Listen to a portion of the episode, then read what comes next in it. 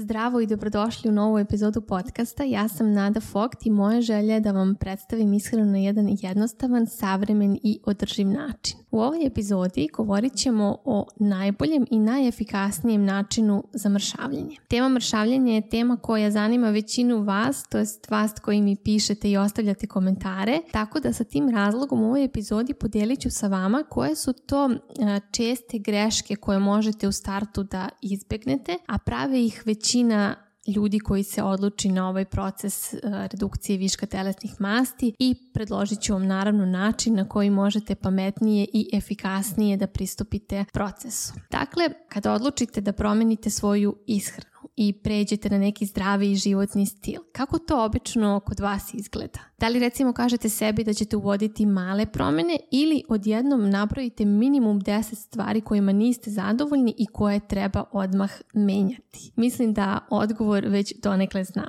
Da ne spominjemo i potpuno neracionalne želje gde se za samo nekoliko dana transformišete, mršavite, gradite mišiće i tako dalje. Naravno da se ništa od toga ne desi. Pod broj 1 zato što je nemoguće i pod broj 2 zato što odustanete i pre nego što uopšte i dođete do nekog rezultata jer je neodrživo. Zato vas današnjom epizodom podsjećam na najvažniji i najefikasniji način mršavljenja koji će vas nesumnjivo dovesti do dugoročnog zadovoljstva. Prva i osnovna stvar zbog koje ni ne dođete do druge greške jeste upravo pokušaj usvajanja previše navika odjednom. Naš mozak ne funkcioniše tako i ne možemo protiv toga. Nikada nas neće podržati u tome da u danu smislimo 10 novih navika i sve ih redovno primenjujemo. Jednostavno neće ići tako. Recimo, odlučite da treba da promenite svoju ishranu, pronalazite hiljadu i jednu stvar kojom u vezi sa istom niste zadovoljni i stavljate pred sebe zadatak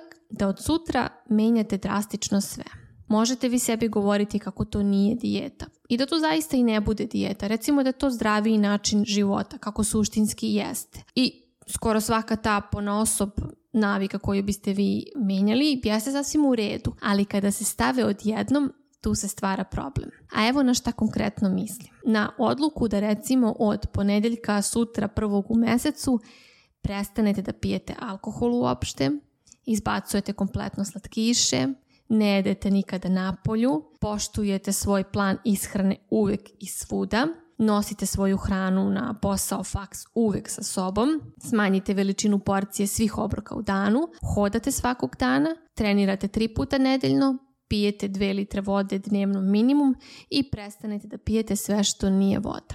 Ukoliko zaista malo dublje zađete u svaki primer, vidjet ćete da je mnogo više od sitnice. Recimo, ovo izbegavanje ručanja na polju utiče na vaš socijalni život – svakodnevnu šetnju morate da uključite u svoj svakodnevni plan što utiče na nešto drugo. A ako do sada niste spremali sebi hranu za recimo ručak koji bi trebalo da nosite sa sobom na posao, to će zahtevati plan, nabavku, pripremu, pakovanje, nošenje te hrane. Ako recimo prestanete da pijete sve što nije voda, što može uključivati neke vaše omiljene napitke poput kafe ili limunade, kako se osjećate da ti napici ne budu deo vašeg svakodnevnog rituala? Recimo, prestanak pijenja kafe možda remeti vaš jutarnji ritual, nešto u čemu vrlo uživati, što je vama zapravo vrlo važno i tako dalje. Zamislite samo taj haos u glavi, počeli ste, stavili ste pred sebe tonu obaveza i zadataka, mnogo toga i nema veze sa vašim ličnim vrednostima, ali eto, uradit ćete tako jer tako rade svi koji se zdravo hrane. Prvo što se dešava je da vaša volja polako popušta. Osjećate se nekako sve lošije i lošije, bez motivacije i postepeno vraćate se na staro. I došli smo do tajne morate postepeno, morate naviku po naviku, korak po korak i sa jako mnogo strpljenja. Sve što je naglo i ekstremno je klasična dijeta zbog načina izvođenja, ako ne zbog samog sadržaja. U ovom slučaju ona izreka jednim udarcem dve muve vas može mnogo usporavati na putu do željenog rezultata koji će biti trajno održiv. I to je ono kada pogledate oko sebe ljude, vaše prijatelje, poznanike, komšije, saradnike, koga god. Imate oni koji su uvek na nekim aktualnim režimima, uvek oni nešto ili jedu ili ne jedu, čvrsto su omađeni tim novim trendom. Delo je čak i da im donekle i ide, ali isto tako delo je da se malo i muče. A onda ih sretnete nakon nekog vremena ili je nešto potpuno novo ili više nisu fanovi toga čega su do skoro bili. Mnogi će reći da, meni je to bilo sjajno. Recimo sada je trenutno na prostoru Balkana, ako ne grešim, popularna autofagija, intervalni post – E imate ljude koji će reći pa meni to baš prija kada radim, nekako me uobroči i stvarno imam rezultate. Ali onda je pitanje ako ti prija, Zašto to ne radiš i dalje ili zauvek? U čemu je problem da nešto što ti prija ne radiš i dalje? I tu je ono nad čime nekako želimo da zatvorimo oči i pravimo sto razloga zašto da ili zašto ne. A odgovor je jer nije dugoročno održivo. A to što nije dugoročno održivo te ne uči niti ti pomaže da ostvariš i izgradiš navike koje će ti biti podrška u tome što želiš da postigneš i neguješ. I verujem da zaista ima onih, recimo, ljudi koji probaju neki uh, vid režima poput evo konkretno intervalnog posta i tim ljudima to može zaista prijati. Posebno onim takozvanim haotičnim jedačima koje sam pominjala u prethodnim epizodama koji imaju naviku da, to su haotični jedači, su ljudi koji imaju naviku da nesvesno jedu hranu kada god je pred njima i recimo onda tim ljudima taj sistem neke takozvane satnice može da koristi sa te strane da ih malo osvesti o jelu. Ta nesvesna grickanja se najčešće dešavaju u večernjim satima i ako vi sebi kažete da posle posle x časova nema više jela, sigurno je da će se ti ljudi osjećati prijatnije ujutru kada ustanu, jer se prethodno veče nisu prejedali. Ali problem je što se to onda generalizuje, pa ljudi sebi zabranjuju obroke u recimo tim satima ili budu uskraćeni kada su druženja u pitanju, ne mogu na istima da uh, jedu jer nije po njihovoj satnici. Dakle, ovde oni prividno misle da rešavaju problem, a zapravo se samo vrte u krugu. A, jedan problem reše, drugi stvore. A, privremeno stavljaju pod kontrolu nesvesno grickanje, ali sa druge strane uvode sebi tu besmislenu satnicu i time ograničavaju vreme za obroke, što automatski znači nepoštovanje signala gladi jer ne jedu kada im telo traži već po nekoj univerzalnoj satnici. Tako da recimo ova metoda satnice može da se primenjuje i nekim osobama pomogne da se reše tog nesvesnog grickanja, ali to treba onda uskladiti prema sebi i naravno prilagoditi situaciji, to jest treba biti fleksibilnog načina razmišljanja poput recimo većinu dana ću raditi tako zato što mi stvarno nekako prija i osjećam se dobro, ali postoje dani koji će biti izuzeci kada recimo ne znam idem sa prijateljima na večeru ili jednostavno e, nisam u prilici da do tih x časova koje sam odredila jedem, da ne bih odlazila u krevet gladna, tog dana ću jesti nešto i izvan okvira te satnice. Tu je samo jako važno osloboditi se onog tipičnog načina razmišljanja sve ili ništa, koji upravo jeste prepreka, taj perfekcionistički stil razmišljanja, jeste prepreka tom fleksibilnom pristupu, jer ljudi misle ako nisam toliko i toliko dana uzastopno za redom to primjenjivala, onda se to ne važi a može da se važi, možete jesti, ne znam, 5 dana za redom, tako kako, kako vama nekako prija po toj nekoj vašoj određenoj satnici i onda recimo jedan dan ne jedete tako, pa se vratite ponovno na tu svoju satnicu ali bitno je dakle da to bude u skladu sa vama, da se ne vodite slepo nečim i da pratite striktno nešto što vas zapravo u suštini samo stavlja dodatno u problem. Dakle, nesumnjivo je da mnogi ljudi sa raznoraznim metodama i režimima, oni dođu do tog nekog rezultata. Ali mi se ovde ne bavimo time, jer ako vas zanima samo kako da smršate za određeni broj dana i dođete do neke cifre na vagi, možete primeniti bilo koju dijetu. Ali mi ovde želimo da radimo na tome da vi imate trajno održiv rezultat, a to je ono što nemate kada primenjujete bilo koju dijetu. I tu moram da napomenem, jer svima nam je ispran mozak sa takozvanim pričama šta je zdrava ishrana, šta je pravilna ishrana, kako treba ili ne treba. Pokušajte da se udaljite od tog načina razmišljanja.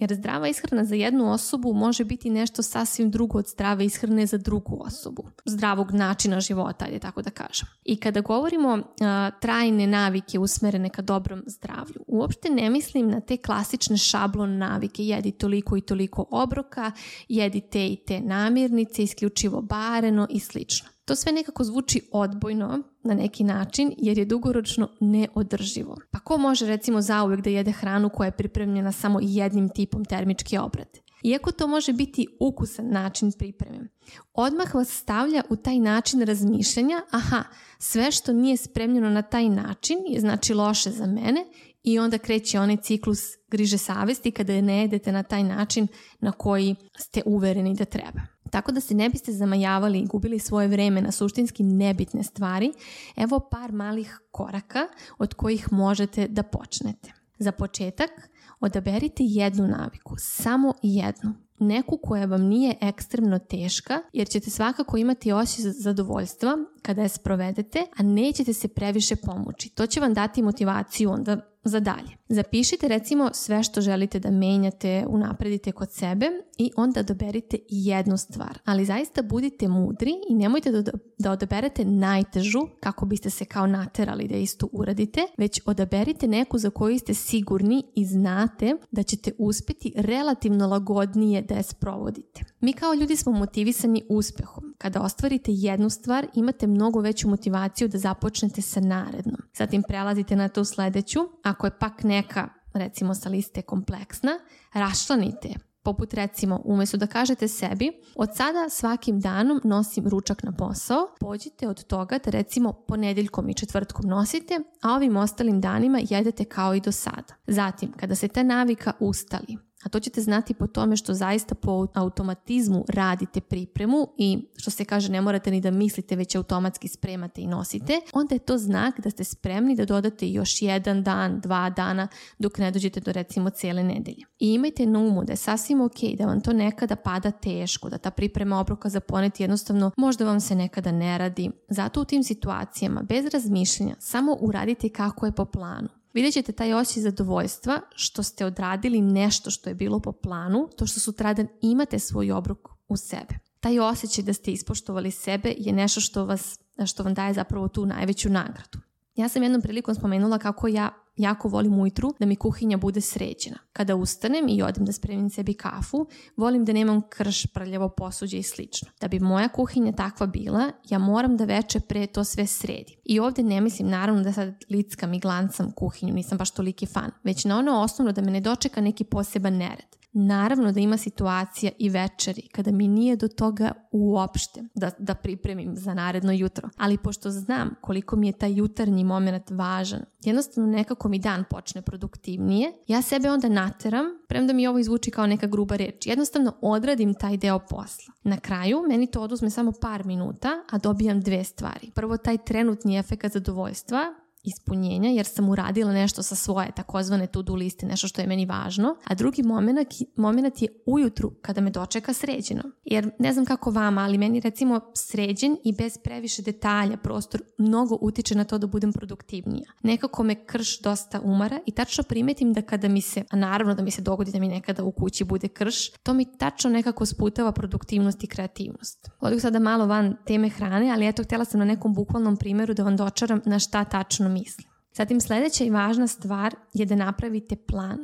I tu uopšte ne treba da bude neki ozbiljan, striktan i ne znam kakav plan ili, ali više kao neka okvirna ideja šta će i kako biti. Najviše radi toga da oslobodite sebe donošenja odluke u trenutku što je najveći neprijatelj određenim dnevnim obavezama. Umesto da samo kažete sebi da ćete recimo ići u fitness, morate napraviti plan jer taj trening utiče na ostatak dana. Recimo, odredite tačno vreme kada idete. Da li vam se to uklapa sa poslom? Šta radite nakon treninga? Kako ćete ići do fitnessa? Koliko vam je blizu? Da li ćete ići na grupne treninge poput pilatesa, joge, zumbe, šta god? Da li ćete vežbati samostalno ili ćete angažovati privatnog personalnog trenera i tako dalje? Ukoliko ste rešili da nosite ručak na posao, kada ga tačno pripremate? Kada idete u nabavku namirnica?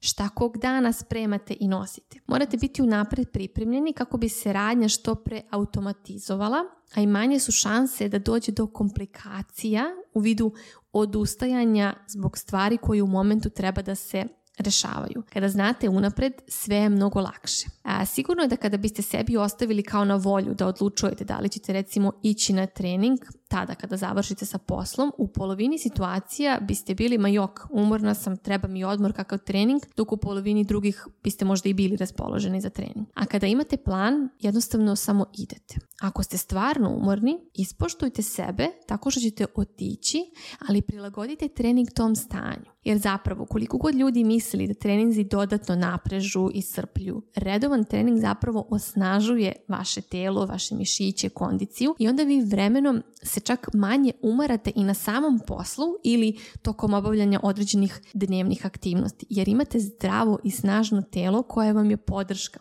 Tako da razmišljajte o tome i na taj način. Nije trening za sagorevanje dodatnih kalorija.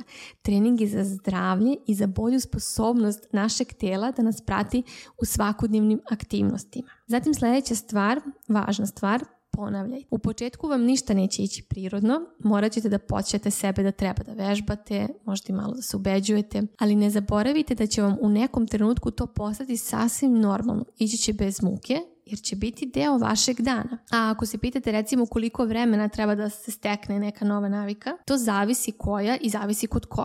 Uopšte vas ne zanima za koliko dana će se to desiti jer i onako ne nameravate da odustanete. I znajte da će biti dana kada ćete biti dosledni u primjeni i kada vam neće biti teško i bit će dana kada ćete biti dosledni, ali će vam biti teško, a isto tako bit će dana kada će vam biti teško i nećete biti dosledni. Ne dozvolite da vas ovi dani kada niste odradili planirano na bilo koji način remete i da verujete da ste nešto pokvarili ili upropastili. Samo se vratite prvom prilikom na primjenu. Ako vam se učini da vam je baš jako teško, Preispitajte se u čemu je stvar. Možda to što ste odlučili da menjate i uvodite to nešto novo, nije za vas. Možda niste naviku isplanirali u skladu sa svojim vrednostima, pa vam je zato i teško da isto primenjujete duže. Važna stvar koju treba da znate pre nego što počnete sa metodom korak po korak menjanja navika jeste da je ona sporija, to je bez sumnje. Više će vam vremena trebati nego kada biste bili na nekom ekstremnom režimu, ali je njena glavna prednost što je dugoročna i daje vam održive rezultate, što brzina nema nikakvu ulogu tu. Samo je bitno da budete svesni toga kako se ne biste već na početku obeshrabrili, jer na ovaj način